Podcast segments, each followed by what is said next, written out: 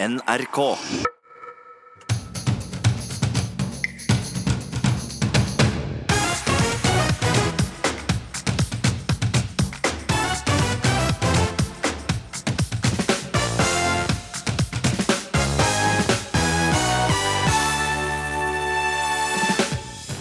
Den allerede store mobbesaken i Drangedal vokser stadig. Mange har fått oppveksten ødelagt av mobbingen. Og jeg, jeg bare levde, men uh, ungdomstida var egentlig bare et sort hull. 49 ofre for mobbing krever nå oppreisning fra kommunen, men stadig flere melder seg på. Noen burde ha gjort noe tidligere, sier fungerende ordfører, og beklager. Cruiseskip til både lyst og glede, men også til irritasjon. Folk som bor i gamle Stavanger har fått nye internasjonale naboer veldig tett på seg. I noen av disse uttalelsene i avisen at, at vi hater turister her i Stavanger. Vi gjør jo for søren ikke det. Nei, men vi hater disse svære båtene oppi middagstallerkenen vår. TV Norge fremstiller campingfolk som dumme. Med det mener tidligere vokalist i Olivers, Tore Halvorsen. På ingen måte. Vi viser bare frem det som er folkelig, svarer TV Norge.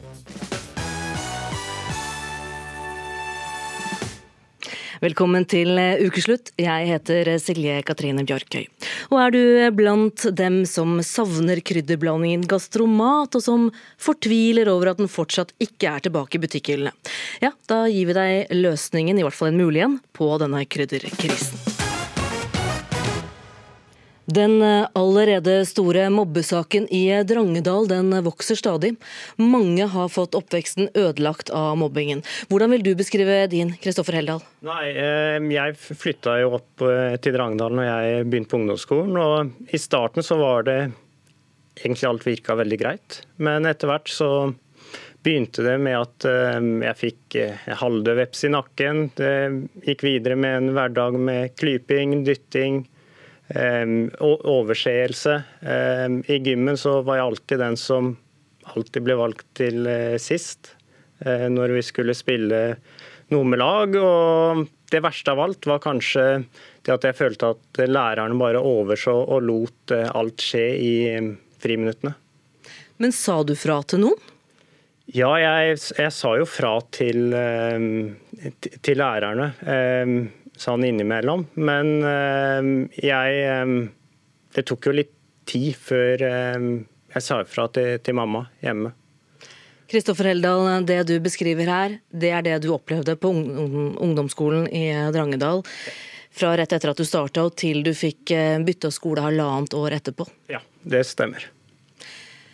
Når du sa fra til foreldrene dine om hva som skjedde på skolen og at lærerne ikke sa noe, hva gjorde de? Eh, de, de, tok jo selvfølgelig kontakt med min kontaktlærer. og mm, gjorde det ofte, men det skjedde ingenting. Og etter hvert så tok de også kontakt direkte med rektor, men vi det kom ingen vei der heller. og de hadde vel den politikken at eh, nei, elevene hadde skrevet under på en antimobbkontrakt. Og når de hadde skrevet under på den, så stolte de på elevene. Så de hadde ikke mobbing på Drangedal ungdomsskole, hørte vi da. Men nå er det altså 49 som har sagt ifra, i hvert fall så langt, og dere krever en oppreisning. Du forsøkte også å bytte skole. Ja. Kommunen sa nei. Ja. Hvorfor det? Nei, De sa nei fordi at eh, de mente at de hadde en god nok eh, skole der for meg, og så ikke noe problem på det. Og dette selv om eh, barneskolen jeg gikk på i Kragerø ga beskjed om at jeg potensielt var en som kunne bli lett utsatt for mobbing, fordi jeg var litt sjenert og, og, usikker gutt. Um, og dette ble jo da ikke tatt tak i. Men hva var det lærerne gjorde da du sa ifra til dem? Jeg, jeg følte vel egentlig at uh, de ikke gjorde så mye. Uh, jeg husker det var en gang jeg um, Det var i 9. klasse, hvor jeg fortalte at uh, det var en elev som hele dagen hadde gått og sagt at du skal dø, du skal dø. Og da når jeg gikk til uh, min kontaktlærer, så sa hun da nei, men du Kristoffer, du må ikke bry deg om hva han sier. Det er han som har et problem, og ikke du. Og så skjedde ikke noe mer. Men til slutt i 9. klasse, etter dette, da fikk du bytte skole? Til ja. en annen kommune? Det ble slutt på mobbingen? Ja, et, etter, etter, dette så um, ringte mamma direkte til skolesjefen. Og etter at uh, hun da hadde krevd at jeg skulle ha en uh, psykolograpport som da bekreftet at jeg uh, ble mobbet, noe den gjorde. Så fikk jeg lov til å bytte over til skole i Kragerø kommune. Og ja, det var jo som å gå fra helvete til himmelen, rett og slett. Hvordan har det prega ungdomstida di og livet etterpå? Det, det, preger meg den dag i dag, og ungdomstida mi var vel en periode hvor jeg bare levde. Jeg var på skolen, eh, hadde egentlig nok med å holde maska der, og brukte all energien på det å være der og ikke bryte sammen. Og, og ellers så var jeg mye hjemme og var mye i skogen med mine bikkjer. Og ja, brukte den arenaen som eh, en plass for å rett og slett overleve. Fungerende ordfører i Drangedal, Arnt Olav Brødsjø. 49 mennesker som har blitt mobba på skolen i Drangedal, har sagt ifra til nå. Det kommer stadig flere nye til med samme opplevelser som det du hører her fra skoletida. De eldste sakene er nærmere 50 år gamle, fra 70-tallet. Hvorfor har ikke kommunen gjort noe med det? Nei, Det er jo et uh, veldig godt, uh, godt, spørsmål. Det er klart Eh, for det første så får en bare beklage til deg, Kristoffer, at du har blitt utsatt for det du, det du, har. Det er nok eh, tydelig at det har vært litt svikt i systemet her opp gjennom, eh, opp gjennom tidene. Og det er klart når du får presentert det antallet saker som nå ligger på bordet, så, så gjør det noe med en, for å, si det, for å si det sånn. Men vil du si at det har vært en kultur i Drangedal at det er OK med mobbing? At man bare må tåle litt? Nei, jeg, jeg, tror ikke det. Det kan jo kanskje virke sånn, sånn som det ser ut, uh, ser ut, nå. Men uh, når vi på en måte går, sier at dette er en periode på, på 40 år, så, så, har det nok skjedd ting som ikke har vært som ikke har vært bra, men hvis dette på en måte har vært en kultur blant hørt på seg bygdefolket, så vil jeg vel tro at noen hadde reagert tidligere. Men igjen så bare på vegne av kommunen beklage at ikke ting har vært tatt, uh, tatt, tak i. Det er jo åpenbart at det skulle ha vært gjort. Hva gjør kommunen nå, da? Nei, nå har jo vi fått eh, jeg tror det er per nå er 39 henvendelser fra advokatkontoret Hein Bæra, der vi er bedt om å komme med dokumentasjon på på de eh, personene som, som er nevnt, og det har vi jobba med siden siden tidlig, tidlig, i mai, eller egentlig før den, eh, før den tida òg. Kristoffer Heldal, eh, dette er eh, flere år siden skjedde nå. Hva er det som gjør at du tar det opp nå? Det er rett og slett det at jeg har hørt om flere andre saker som har kommet til i etterkant, og har vel funnet ut det at ja, noen må tørre å stå fram og snakke om det. For hvis ikke så er jeg redd for at dette vil fortsette. Og ja, i framtiden er det kanskje ingen som vil bo i Drangedal. Jeg skal jo flytte hjem og ta over gården etter hvert. Og slik det er nå, så ønsker i hvert fall ikke jeg å ha noen eventuelle barn på skolen i Drangedal. Arnt Olav Brøsjø, hva, hva sier folk i kommunen om dette som nå blir rulla opp? Jeg har jo snakka med ganske mange, og det er nok eh, en del som går rundt med en, eh, med en, dårlig samvittighet. At de kanskje ikke var så snille når de gikk på, på skolen. Så så øh, når jeg som fungerer ordfører ber på en måte på om unnskyldning på vegne av kommunen, så vil jeg vel egentlig oppfordre folk som går med litt dårlig samvittighet, å ta kontakt med de de kanskje ikke var så snille med, og, og be om unnskyldning. For jeg er helt enig med Kristoffer i at selvfølgelig er det vanskelig og tungt uh, sånn som det er nå, men på en måte så er jeg veldig glad for at den bobla sprakk. For på et eller annet tidspunkt hadde den gjort det allikevel. Og vi har nå fokus på, på framtida som på en måte unngår, og unngår å komme i den situasjonen som vi er i nå en gang til. Så, så det kan jeg love Kristoffer, at når han flytter tilbake igjen til, til Heldal, så skal vi ta godt vare på både han og familien og eventuelt de ungene som måtte gå på, på skolen i Rangdal. Så jeg skal love ham at det skal vi gjøre. Ja, Kristoffer Heldal, ja, hva sier du? Jo, jeg syns det er veldig godt å høre. og Jeg har jo en tro på det nå som Torpeder Lone eh, sto fram med sin historie. og Det viser det at det selv eh, ordføreren har opplevd dette. Og, og ja, For han er ordfører i Drangedal. Ja, har vært sykemeldt ja, pga. det, og, men nå er nå i ferie. Ja, og, og jeg tror det at han som har kjent det på kroppen, og forhåpentligvis får fortsette som ordfører, er en veldig nøkkelperson i den prosessen framover. For han har kjent det. Takk skal du ha, Kristoffer Heldal og fungerende ordfører i Drangedal, Arnt Olav Brødsjø. Cruiseskip har blitt eh, svært eh, omdiskutert i flere norske byer. Stavanger får eh, daglig flere tusen cruisepassasjerer på besøk i sommersesongen. På torsdag da fikk oljebyen drøyt 6000 gjester som seilte inn på cruisebåtene. Men hvordan er det å bo rett ved der et slikt fartøy ankrer opp? Mellom 60 og 80 meter høyt, og så er de jo 200-300 meter lange. Det Bernt Porsch beskriver her, er garantert noe du har sett. Disse store skipene som legger til kai ved noen av våre fineste byer. Nå har det blitt flere av dem, og folk er ikke fornøyd. Og så er det stål og glass og masse lyd. Eh, og buring og, og folk. Det er nesten litt overveldende å stå foran en slik konstruksjon, slik vi gjør nå, midt i Stavanger by. Du må løfte hodet helt opp for å få det fulle inntrykket. Nesten som når du ser på en skyskraper. For i forhold til de små, gamle trehusene langs havnen i Stavanger, er det nettopp slik dette cruiseskipet framstår. Hvis du er ute og spaserer i, i, i ei gate i byen, i Oslo eller i Bergen eller i Stavanger, og, og du går eh, med sånn 10-12-15-20 etasjers bygninger Dette er bare en flyttbar 20 eh, bygning. Porsch er ikke bare ute og går langs havnen i dag. Han bor nemlig i gamle Stavanger. Vi setter oss foran boligen. Et lite trehus bygget for flere hundre år siden, og ca. 50 meter bort står det. Dette cruiseskipet. Det det begynner med, er jo litt etter hvor tidlig oppe jeg er om morgenen, men, men enten så blir jeg vekka av eh, eh duren for den, den, legger seg som en sånn liten vibrasjon i, i, huset. Det er det ene. Det andre er jo at jeg, hvis jeg kikker ut vinduet Men jeg har jo ikke sol når cruisebåtene er her. Så, så, morgenkaffen min her ute som jeg sitter nå, den er veldig sjelden eh, i cruisesesongen. Én ting er solen, men en annen ting er lyden. Som du sikkert hører, er det litt susing i bakgrunnen. Det er mye lyd, uten tvil, med langganger og ting som heises og piper. og disse cruisebåtene har jo veldig høyt nivå av sikkerhet. Så når det er noe som beveger seg, så, så er det alarmer og piping og lyder. Og, eh, og halv åtte så går jo høyttaleranlegget på lufta om bord.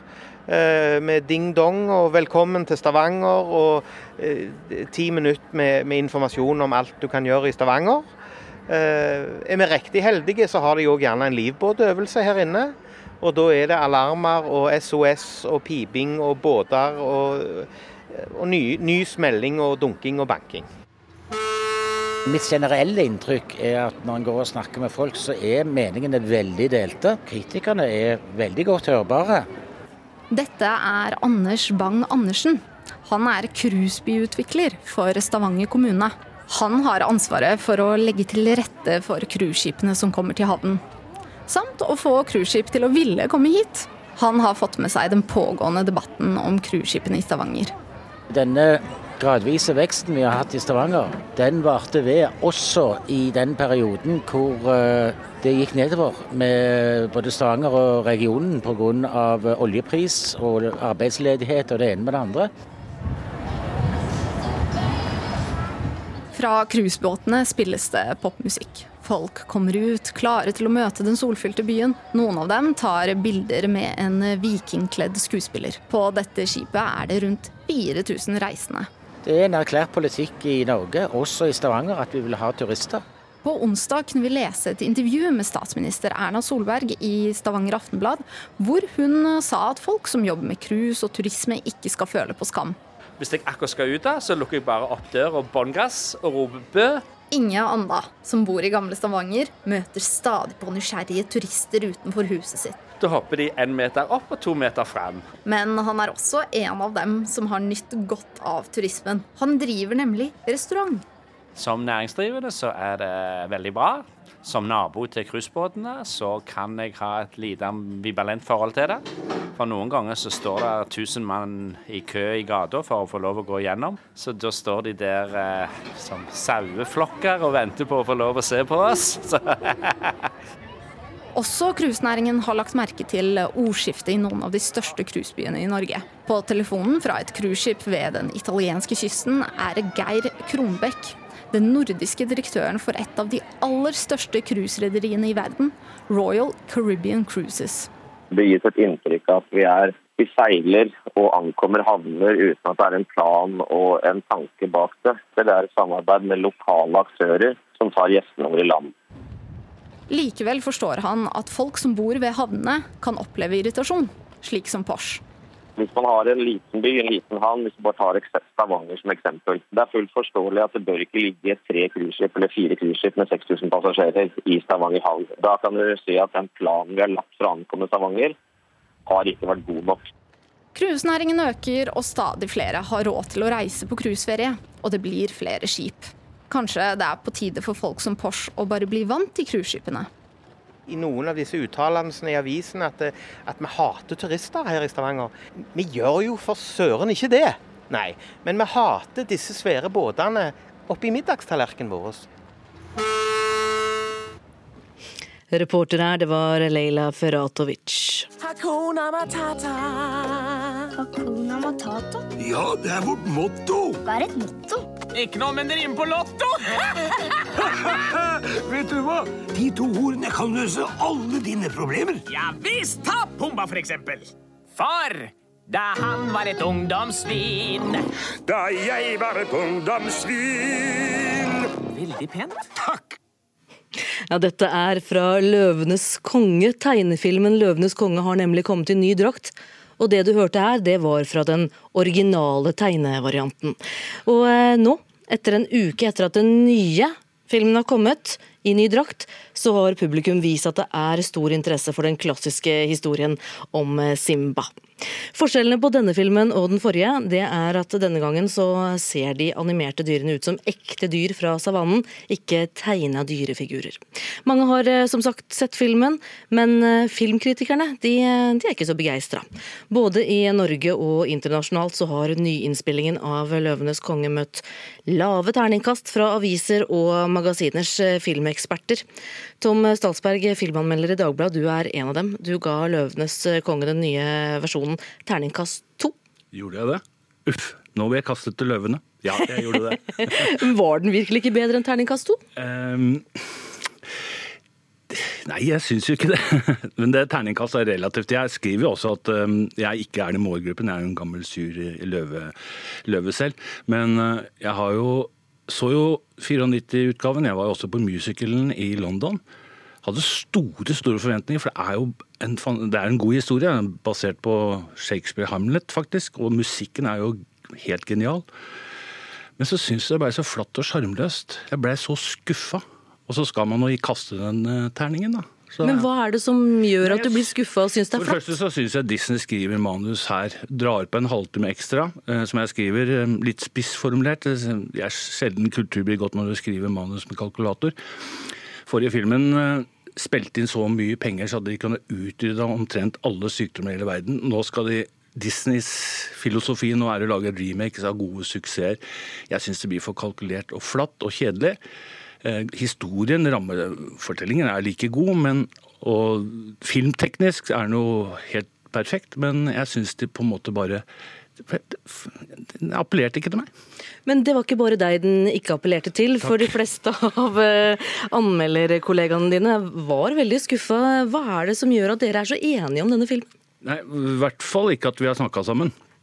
Eh, for det, jeg tror jeg sjelden snakker med noen andre filmanmeldere, for det gjør man ikke. selv stole på meg på det.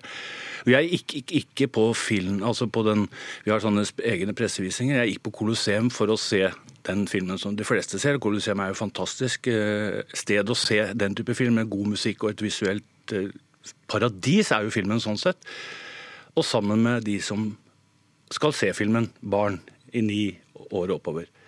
Um, min feeling der var at ikke folk syntes det var så veldig bra. Så hørte jeg ikke og snoka litt, jeg hørte at folk syntes det var Men jeg hørte også at folk syntes at musikken eh, var Det å oversatte de kjente låtene til norsk, det syns jeg ikke funka. Jeg syns ikke norske stemmene funka heller. Miriam Strandquist, du er Løvenes kongeentusiast. Du kan nesten hele den, i hvert fall den originale Løvenes konge utenat. Hva er det som gjør at du er så glad i Løvenes konge? Altså, Jeg husker bare så godt første gang jeg så den på kino i 94 med pappa. Og jeg tror det var første gang jeg liksom gråt på kino og var bare Altså, Den historien er bare så Den grep så mange, og jeg vet at mange har den som yndlingsfilm, og det forstår jeg kjempegodt. Men nå har du sett den nye filmen. Ble du skuffa på samme måte som filmanmelderne ble? Vet du hva, Ikke i det hele tatt. At jeg, bare jeg tenker på den nye filmen, så blir jeg helt rørt. For jeg syns den var helt fantastisk.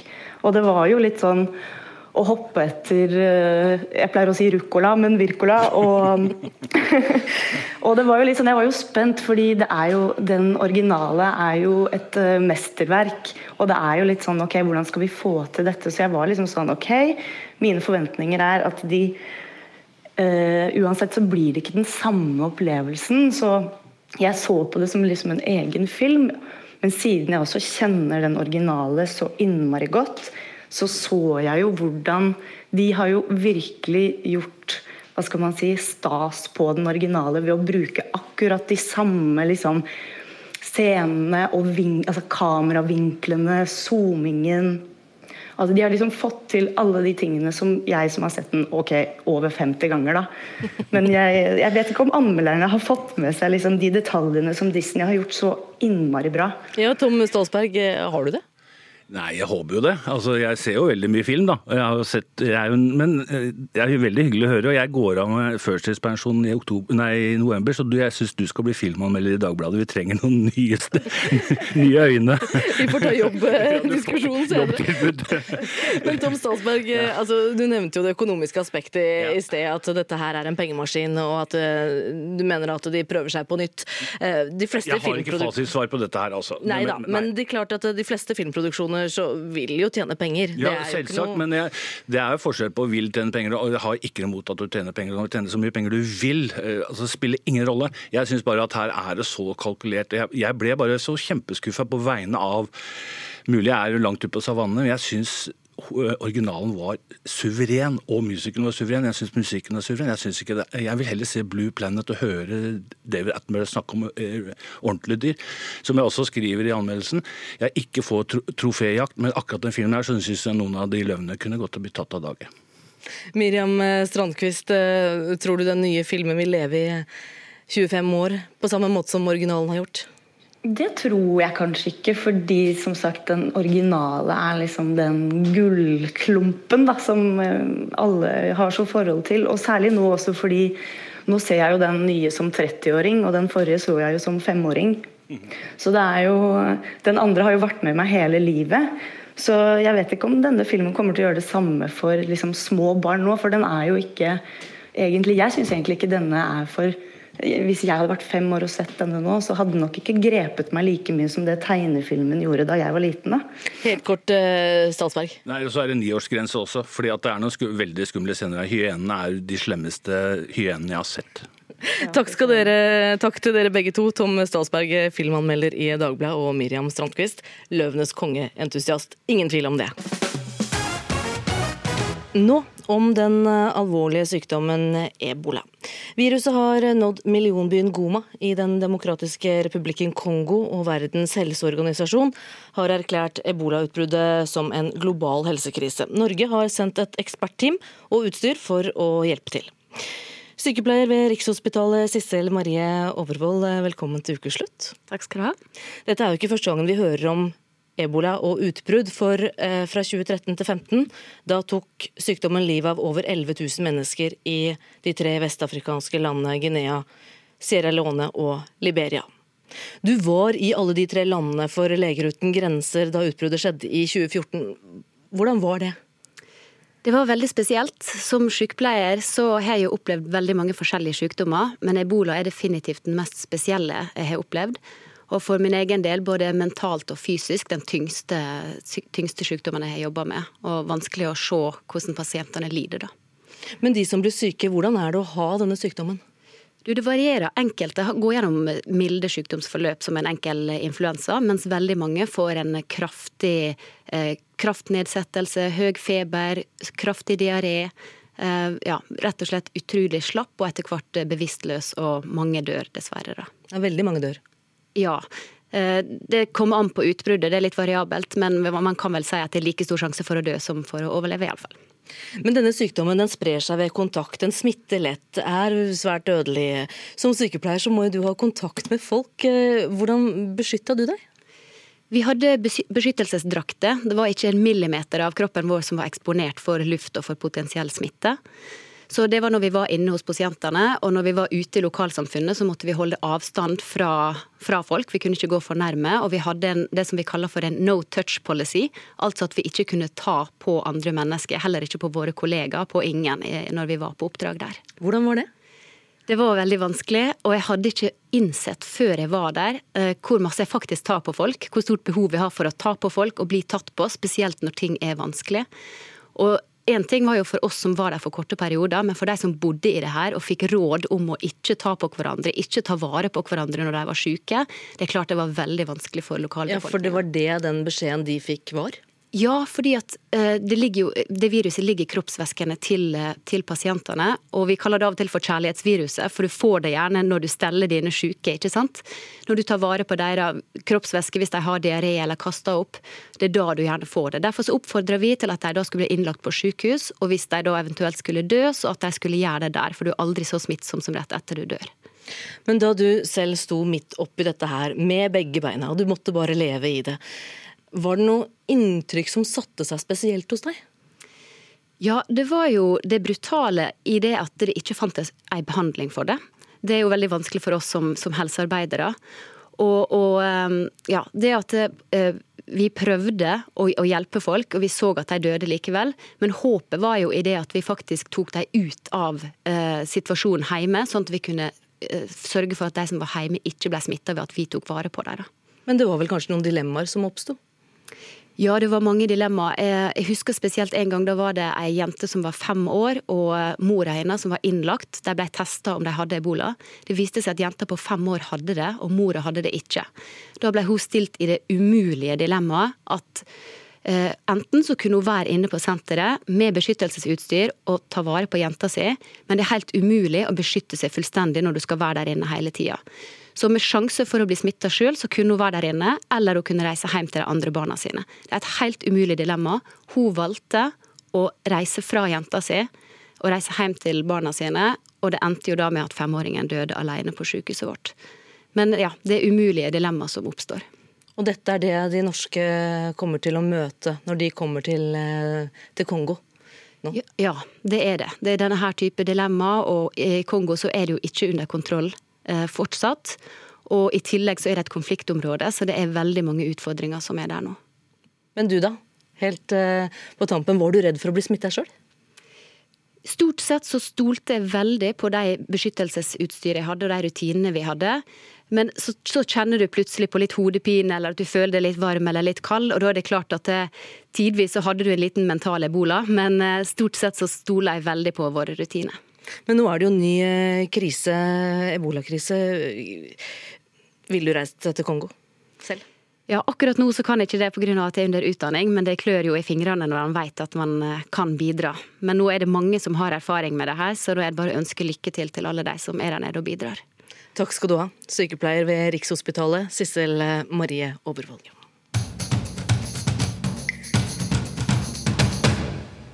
Klokka er eh, straks 13. Det er eh, tid for en eh, nyhetsoppsummering. Tone Nordahl. Ja, Vi starter i Hongkong, der opprørspolitiet nå bruker tåregass mot demonstranter.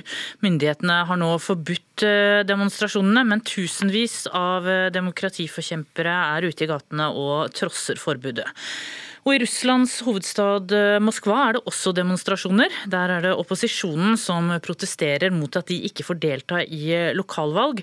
Og Det siste som har kommet herfra, er at eh, flere titalls demonstranter nå er arrestert i Moskva. Altså. Britisk politi er i ferd med å laste ned alt de kan fra EUs databaser over kriminelle. De frykter nemlig at de skal miste tilgangen til disse basene hvis Storbritannia forlater EU uten en avtale. Det er The Guardian som skriver dette, og statsminister Boris Johnson har jo sagt at Storbritannia skal ut av EU innen 31.10, enten det blir med eller uten en avtale. Og her hjemme i Norge, da her fortsetter varmebølgen. Det settes nye varmerekorder også i dag. Ja, det er sol over store deler av landet for øyeblikket, og allerede klokka 11 i formiddag så ble det målt over 30 grader mange steder i Nordland og Trøndelag. Og nå er det faktisk varmere der, i de to fylkene, enn mange steder i Sør-Europa, sier meteorolog Terje Alsvik Valle. Ja, Det er ikke mange som eh, slår Nordland i dag. Man kan jo sikkert finne steder lenger Sør-Europa som kommer opp i omtrent samme nivåer. men uh, i dag er uh, definitivt Nordland og Trøndelag blant de varmeste i Europa. Ja, Det er tydelig at det er mange som er ute og bader, eller har tenkt seg ut. For da jeg sjekket Yr for litt siden, så står det at Yr har problemer både med visning og registrering av badetemperaturer, fordi trafikken på nettsiden er så stor. Nesten hver fjerde velger i Finnmark, Troms og Nordland vil stemme på Senterpartiet i valget til høsten. Det har en meningsmåling nylig vist oss. Senterpartiet er altså større enn Arbeiderpartiet og Høyre i de tre nordligste fylkene våre. Og en av grunnene til denne fremgangen for partiet, det er banale fortellinger om eliten i Oslo og sentraliseringskåte politikere og byråkrater. Det skriver du, VG-kommentator Hans Petter Sjøli. Du mener altså at debatten om nord og sør og by og land er altfor konfliktfylt.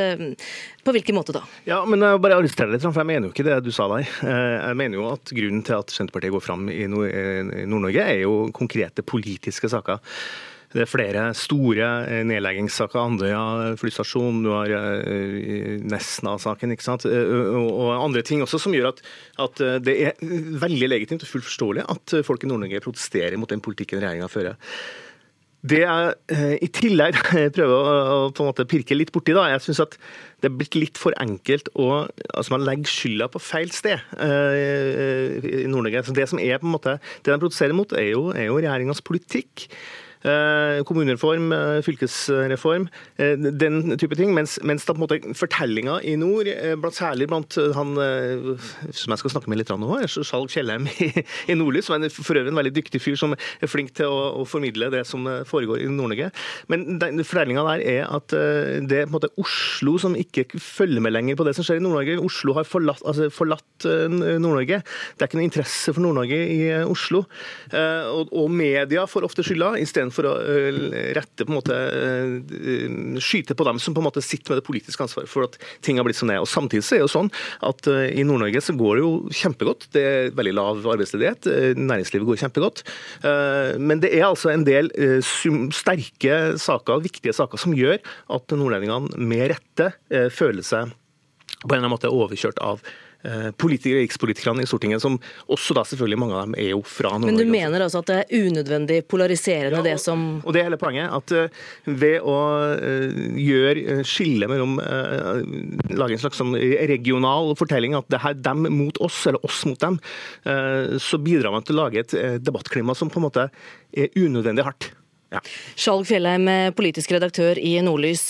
Du ble så vidt uh, nevnt her av Hans Petter Sjøli. Velkommen til oss. Du er altså en av kommentatorene som Sjøli sikter til. Kaster du bensin på bålet med kommentarene dine? Nei, det syns jeg ikke at jeg gjør. og jeg må jo si at Hans Petter, Hans Sjøli sier jo veldig mye klokt her. Eh, klokere analyse det han sier her, enn det han leverte i sin kommentar i VG forleden. Nei, jeg tror ikke vi skal være så veldig redd for denne sentrum-periferi-dimensjonen i norsk politikk. Det er jo på mange måter et adelsmerke ved Norge. Altså denne, denne kampen om makt og ressurser, denne motkulturen vi ser, kanskje spesielt fra Vestlandet og Nord-Norge. og Sterke eh, historiske tradisjoner i Norge. Og, Det er på en måte et av de viktigste særtrekkene ved Norge i forhold til andre europeiske land og andre skandinaviske land, det at vi har denne reelle motmakten fra periferien. Men, og, men kunne du vært mer samlende? Ja, altså, jeg, Det jeg gjør, det er å fortelle en historie fra Nord-Norge i dag om hvordan nordlendingene opplever den nasjonale politikken. Og hvis jeg bare får lov til å si, Ikke bare den nasjonale politikken, men også den nasjonale offentligheten. Og Hvis jeg bare får lov til å si det, så er det jo det noe av min kritikk har har handlet om, er jo at eh, den administrative eliten og medieeliten i dette landet, som i all hovedsak befinner seg i hovedstaden, blir mer og mer frakobla eh, eh, landet rundt. Og Jeg syns jo at VG er en ganske god eksponent for det. For å bare bruke denne, det som har skjedd den siste uka som et eksempel. Du starter her innledningsvis med å referere til meningsmålingen som viser at Senterpartiet er størst i Nord-Norge.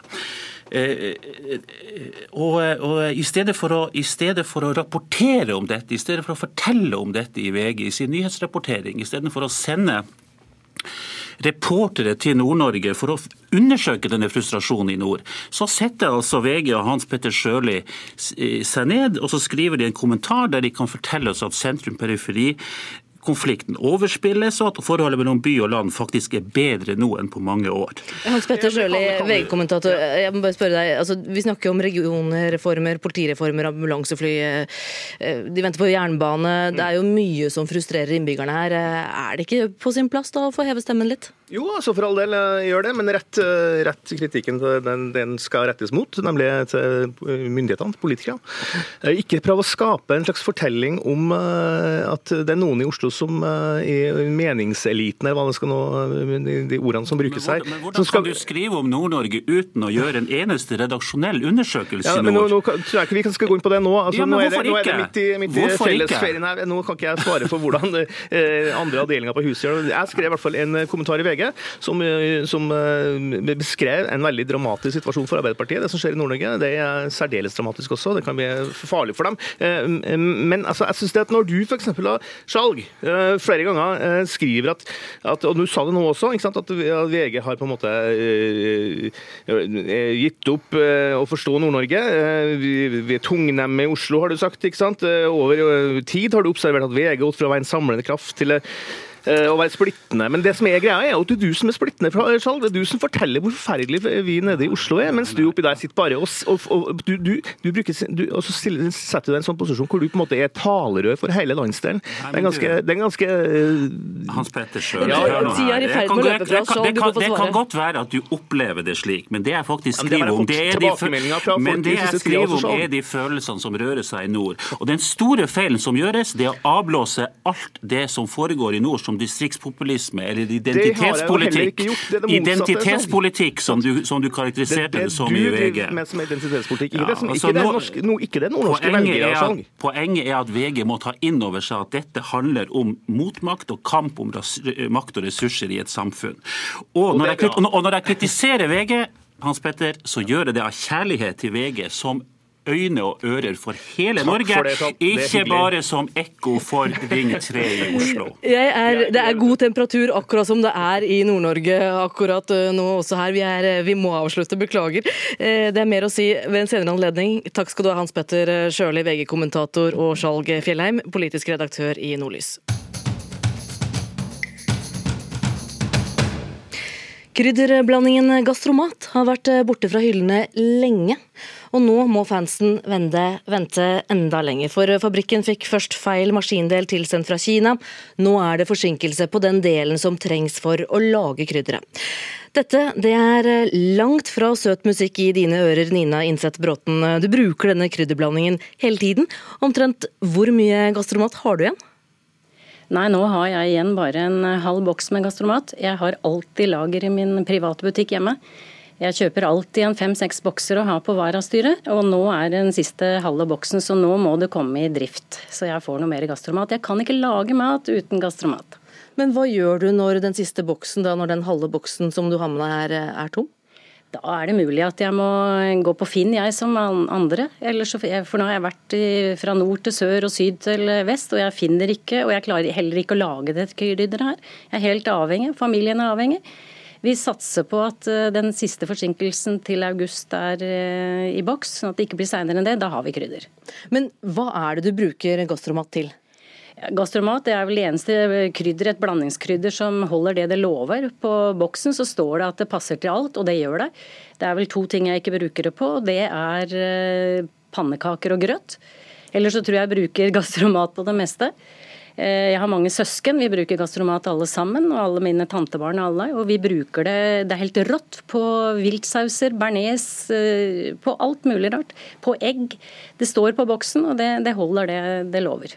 Men for de som eh, ikke har smakt eh, denne krydderblandingen, eh, hva er det det smaker? Klarer du å beskrive det?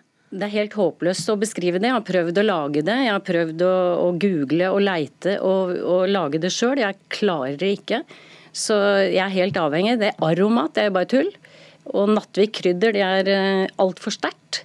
Men jeg har funnet én løsning. Hvis jeg ikke får noe, så er det persilade fra Sverige sammen med, med havsalt. Eh, det kan hjelpe meg en liten periode, men ikke lenge. altså. Men nå nevnte du eh, opptil flere familiemedlemmer som er eh, som deg avhengig av det. Men det gjelder ikke bare de tobeinte? Nei, det gjelder også noen firbeinte. Vi hadde en hund på 80-tallet. Mamma var hobbykokke. Hjelpepleier, men hobbykokk på, på, stor base. Og hun eh, lagde all mat med, med dette krydderet. Hver lørdag så skulle den firbeinte som vi da den gangen hadde, Sjarko, han var en striåra forster, han skulle få stekt lever, og mamma lagde den. Og hvis det ikke var gastromat på den, så skjøv hun bare skåla bort. Og så måtte hun duste på litt gastromat, da spiste den. Men eh, hva har dere gjort til nå da, for å få tak i mer av dette favorittkrydderet? Det begynte med at vi fikk vite det til påske. Da var det niesa mi som eh, på Lillehammer er student, eh, som plutselig fant ut at det finnes ikke gastromat på Lillehammer. Så hun begynte å undersøke veldig mye rundt på alle butikker. Så begynte jeg å leite. Så fant søstera mi fem bokser i en butikk i Oslo. Og jeg fant fem bokser på en søndagsåpen Kiwi-butikk i Krokstadelva. Og der sa de at jeg ikke fikk kjøpt mer enn eh, tre bokser. Så sa jeg at nei, jeg skal ha alle fem. Det er ikke noen restriksjoner. Jeg kan kjøpe all kneipen du har og all krydderet du har. Men han ville ikke da. Så sa han du kan jo ikke være så egoistisk at du skal ha alle boksene alene. Nei, det skal jeg ikke. Jeg skal dele med familien. Mm. Tove Nilsen, du er daglig leder i Gastromat AS, som altså har dette ene produktet som dere ikke har kunnet lage siden nyttår. Ja, du hører jo at det er savna? Ja, det er veldig hyggelig å høre at vi er savna. Når eh, det først skulle skje så galt at eh, maskinen eh, røk, så er det veldig trivelig å høre om alle som savner oss og, og ønsker oss lykke til og, og, sier at de venter på at maskinen skal komme i orden igjen og at vi får boksen ut i butikkene. Men hvorfor kan dere ikke bare starte opp produksjonen av dette krydderet igjen eh, uten den maskinen på en eller annen måte, sånn midlertidig? Nei, det er, eh, Den som har gått stykker, er eh, produksjonsmaskinen vår, som produserer eh, krydderet fra, fra bånda. Så det, det, er den maskinen vi er helt avhengig av. Så vi kan dessverre ikke få gjort noe uten den. Men når er det denne maskindelen fra Kina kommer? Eh, nei, Det siste vi har lovet nå, det er i uke 35. Du, det er de færreste produsentene som tør å ta en åtte måneder lang produksjonspause. Frykter du at det er konkurrenter som eh, kan ta den ledige plassen i butikkhyllene nå?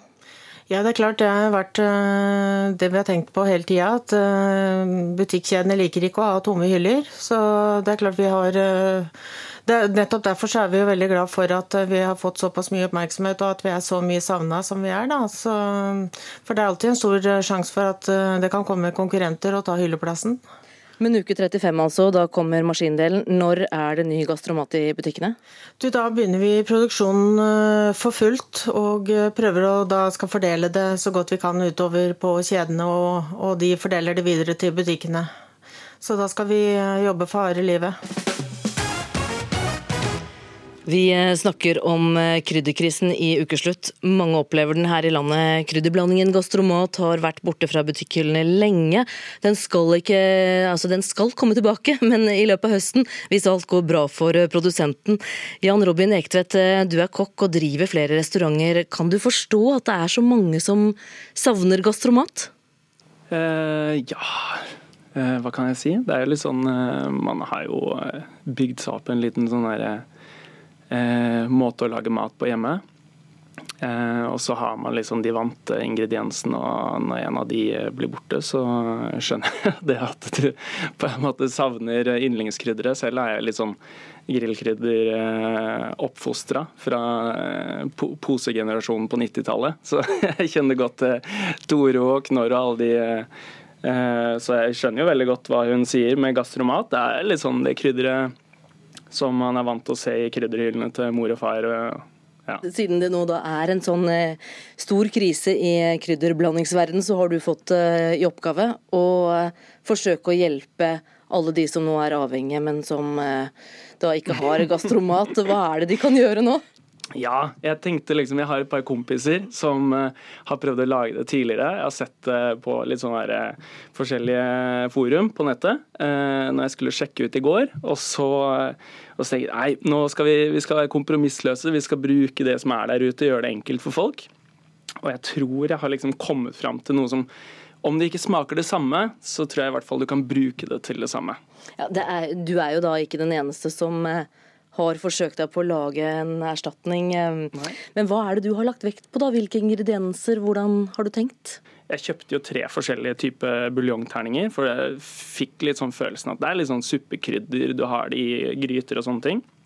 Og der, du finner gjerne mye av liksom det samme eh, innholdsfortegnelsene i eh, buljongterninger som du gjør i eh, gastromat. Eh, så det vi gjorde var at vi, eh, Jeg fant en som heter Toro grønnsaksbuljongterning. Den knuste jeg opp til pulver. Tilsatte litt eh, ramsløkspulver som jeg hadde på hylla, med salt, eller et ramsløksalt. Det gir den hvitløkssmaken. Og så tilsatte jeg en liten klype med sellerisalt. Og så en klype med MSG, som er da monosodiumglutamat, som er denne umami-feelingen. Det får du jo kjøpt, liksom. Kjempestore bokser av på Asiamarked, eh, som er liksom den derre fyldigheten i krydderet. Så da har du liksom den eh, løk og purre i bunn sammen med den gjærekstrakten. Eh, og så har du da saltet, som er viktig, og så også den eh, fylden, som da er MSG. Og da har vi kommet til det store. Vi må smake. Ja, vi må ja. smake. Vi har liksom, du, Nina Innsatbråten, eh, du er jo med å ha med deg gastromat. Ja. Du er fan, avhengig av ja, gastromat. Helt avhengig. Ja. Eh, du har flere bokser. Jeg kommer snart til Galleberg og, og Elisande og sope gulvet, for de har sikkert noe rusk igjen. du, eh, da er det sånn at du må smake. Ja. Og Jan Robin Ektvedt, du må jo smake på den ekte gastromaten òg. Ja. Det skal jeg gjøre. For vi får lov til å få en bitte liten smak av din. Vær så god. Ja. Det, er, det er en liten stund siden jeg har smakt det her nå, altså. Mm. Nina Innseth Bråten. Eh, det var godt, det krydderet ditt. Nå skal jeg se Det har forskjellig farve, men det var neimen ikke ulikt. Nei, det var Nei, ikke langt unna. Det var jammen ikke langt unna det der, altså. Nei, nå tar du jammen en skje til. Mm. Ja, det er en god erstatning. Jeg kan ta med den boksen der, ja. det skal du få. Du, Tove Nilsen, eh, daglig leder i Gastromat. Eh, er du redd for at eh, kokkens gastromaterstatning her nå kan komme til å utkonkurrere deres? Ja, jeg vet ikke det er hvor mange som har tid til å lage noe hjemme på kjøkkenbenken, men men de er veldig positive her? Ja, nei, men det er hyggelig. Bare hyggelig, det. men når du hørte ingredienslista her, er det i nærheten av hva dere har, eller? Ja, altså Vi har jo ingrediensene stående på boksen i, i riktig rekkefølge med hensyn til altså det som er inneholder mest, står øverst og nedover, slik som man må her i Norge. da. Så alle kan jo se hva, hva ingrediensene er. Så, men det er gøy det at han har fått til noe som ligner. Hva sier du, Jan Robin Ektvedt? Er det, er det stort du har klart dette? Du, jeg hadde ikke trua når, når, hun tok ut den, for det er en litt annen, det er en litt annen farge. Men eh, når jeg smaker det sammen, så, så jeg, Eh, stort og stort. Det var litt gøy. Eh, jeg elsker jo på en måte å treffe litt, men eh, jeg tror, jeg tror ikke folk kommer til å løpe til butikken og kjøpe grønnsaksbuljongterninger og knuse og lage eget ramsløksalt, så jeg tror nok de skal få lov til å ha ha krydderet for seg selv. Mm. Det lukter litt mer av den, da. Men Nina får kanskje med seg litt av boksen din også hjem? Ja, hun skal få alt. Tusen takk. Det setter jeg pris på. Ja, takk skal dere ha, kokk Jan Robin Ektvedt, gastromatfan Nina Innsette Bråten og daglig leder i Gastromat Tove Nilsen. I september, da er det valg. Det betyr at nå er vi straks på vei inn i valgkamptiden. Som du kanskje hørte tidligere i sendingen, så blir Arbeiderpartiet utfordra av et sterkt Senterparti i de nordligste fylkene. Og om en halv time, da skal Arbeiderpartileder Jonas Gahr Støre åpne Arbeiderpartiets valgkamp som første parti ut i år. De starter ikke i Nord-Norge, men i Stavanger. Der er også du reporter Rolf Christian Toppdal. Er Støre klar for valgkamp? Det ser sånn ut. Vi står her på Anagaen midt i Stavanger sentrum. Det er en liten plass her i byen. Og som du sier, om en snau halvtime så skal Ap-lederen opp på talerstolen her. Jonas Gahr Støre, hvorfor åpner dere valgkampen her i Stavanger? Flott by, da. Og mye står på spill. Her har vært ordfører fra Høyre i 24 år, og nå er det på tide med skifte, og det er faktisk mulig. Så det er viktig å gi støtte til det. Det andre er at denne av Norge er utrolig viktig for landet vårt. Enten så lykkes denne delen av landet med omstillinger, eller så lykkes ikke Norge. Vi har lykkes stort her før, og vi kan lykkes igjen med å møte klimakrav og ny industri og nye arbeidsplasser. Men her slår det sprekker i samfunnet. Forskjellene øker. Du har rekord i barnefattigdom. Skolene får lite midler. Og da er det på tide med, med, med skifte for en, et flertall som setter fellesskapet først og satser der. Hvordan skal dere få pilene til å peke opp nå fram til valgdagen? Jeg opplever at vi har en valgkamp nå som er veldig godt anlagt. Eh, tett på folk. Eh, de sakene som betyr noe for dem i hverdagen. Det er 350 valg eh, i dette landet nå. Og da må sakene handle om det som er viktigst i livet for folk. Og det har vi saker på nå. Og så har vi utsikter til å danne flertall. Det er ingen som får flertall alene. Og vi må jobbe for å få flertall for en politikk. Flertall for et skifte. For sterkere fellesskap. Og som sagt, Vi vant tre av de fire største byene i 2015. Vi skal forsvare de tre. Og jeg tror vi har en god sjanse til å kunne vinne den fjerde her i Stavanger, om vi gjør jobben godt. Men i motsetning til resten av storbyene her, så er det sånn at i Stavanger er dere fort avhengig av bompengepartiet for å komme til makta. Hva tenker du om det? Jeg tenker at De som leder listen her, sånn Karin Nessa Nordtun, hun er erfaren til å vurdere hva som skal til for å sikre flertall for vår politikk. Vi skal ha bedre miljø i de store byene. Vi skal ha eh, sunt miljø for barn og unge. Vi skal sørge for at cruisetrafikken etter hvert får landstrøm, så ikke den forurenser. Og så får Kari vurdere hva er det som kan sikre flertall for den politikken vi har. Og da skal ikke jeg sitte ned og si at det ikke er råd for å snakke med andre partier. Det vi vet om Bergen, Oslo og Tromsø, er at der sier bompengepartiet vi vil ha høyrestyre. Og Da får du både et ensaksparti og du får mer eh, høyrepolitikk, privatisering, kommersialisering av tjenester. Og Det kan se ut som det er litt annerledes her i Stavanger, og det får de finne ut her. Da må partileder Støre sikkert ta en siste finpuss på talemanuset sitt. Klokka to skal han altså da prøve å overbevise velgerne her i oljefylket. Takk skal du ha, Rolf Kristian Toppdal, som altså var på Arbeiderpartiets valgkampåpning i Stavanger. Man har mye drikke i varmen. Mm. Det er viktig. Ja, må jo en del væske. Ja, det gjør det. Kan ikke tørke helt inn heller. Hæ? Når, når, man kan være her og kose seg og virkelig ha en temperatur oppi 6-27 grader Og blir det noe for varmt, så kan man trekke inn og Nei, vi har det godt her. Jeg vil ikke satse ei krone på å reise utenlands. Bare tull. Bortkasta penger. Campinglivet, det er, det er det herlige. Ja. ja. Høp, høp, happy skvett. Skål, skål. Ja, Det du hørte her, det var litt fra TV Norge-serien Ja, vi elsker camping.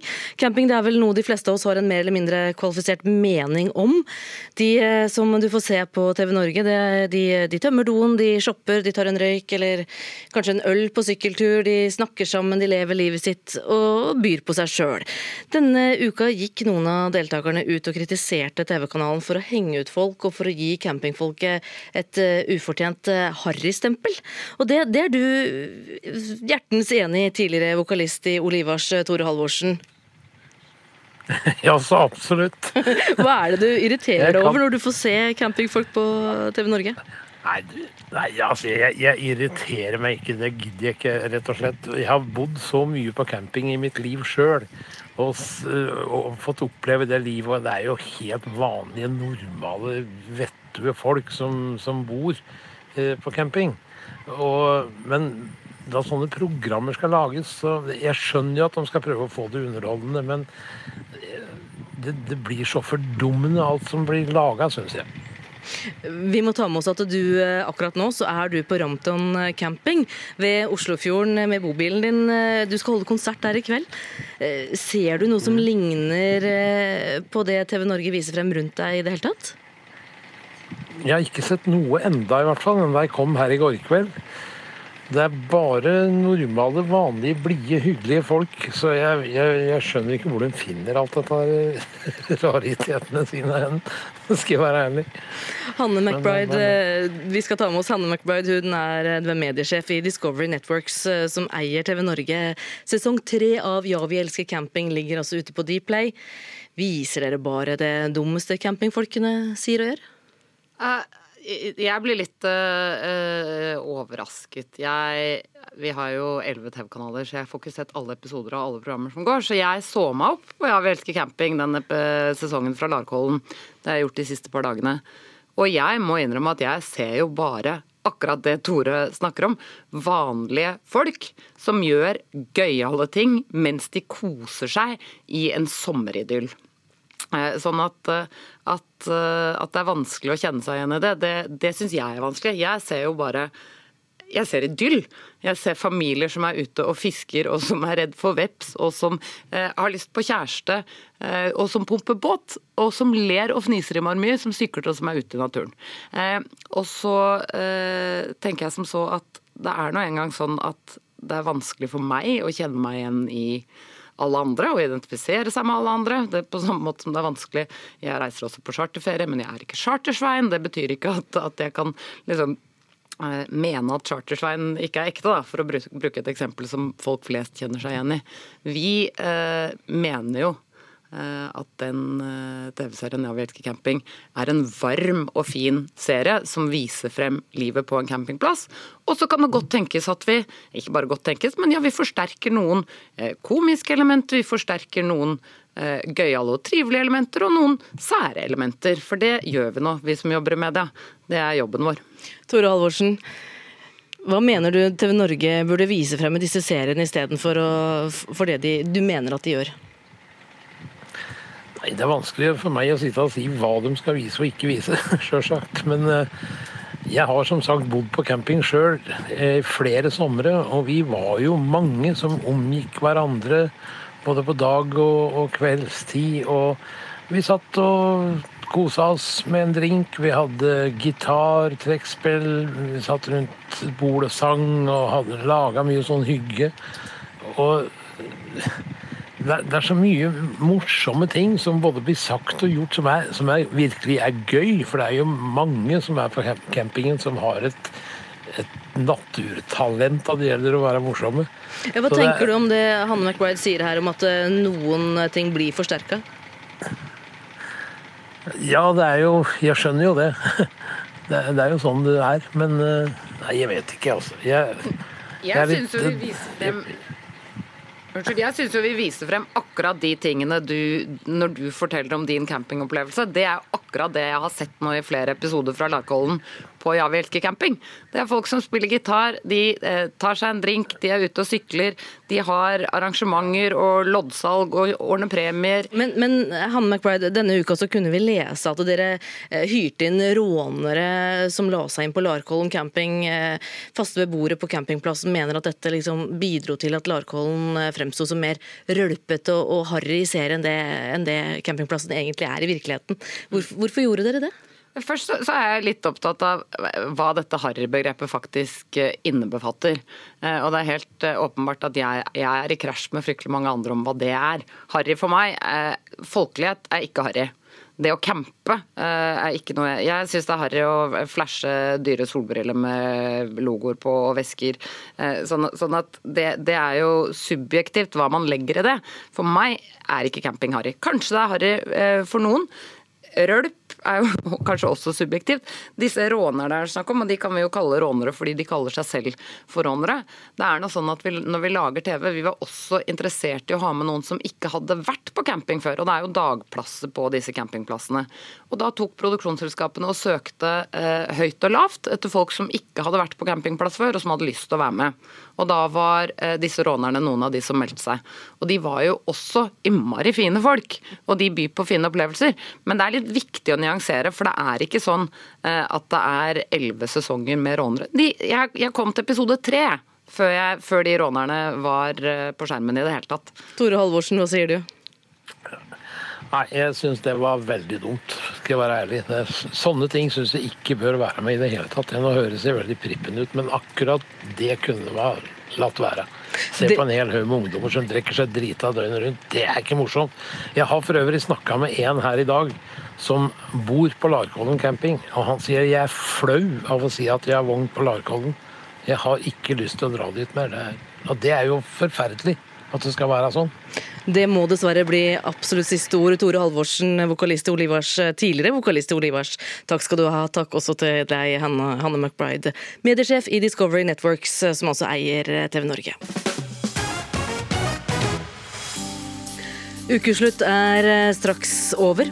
Ansvarlig for denne sendingen var Mathias Rolighed Bergseth. Teknisk ansvarlig var Marianne Myrhol. Jeg heter Silje Katrine Bjarkøy og ønsker deg en god dag.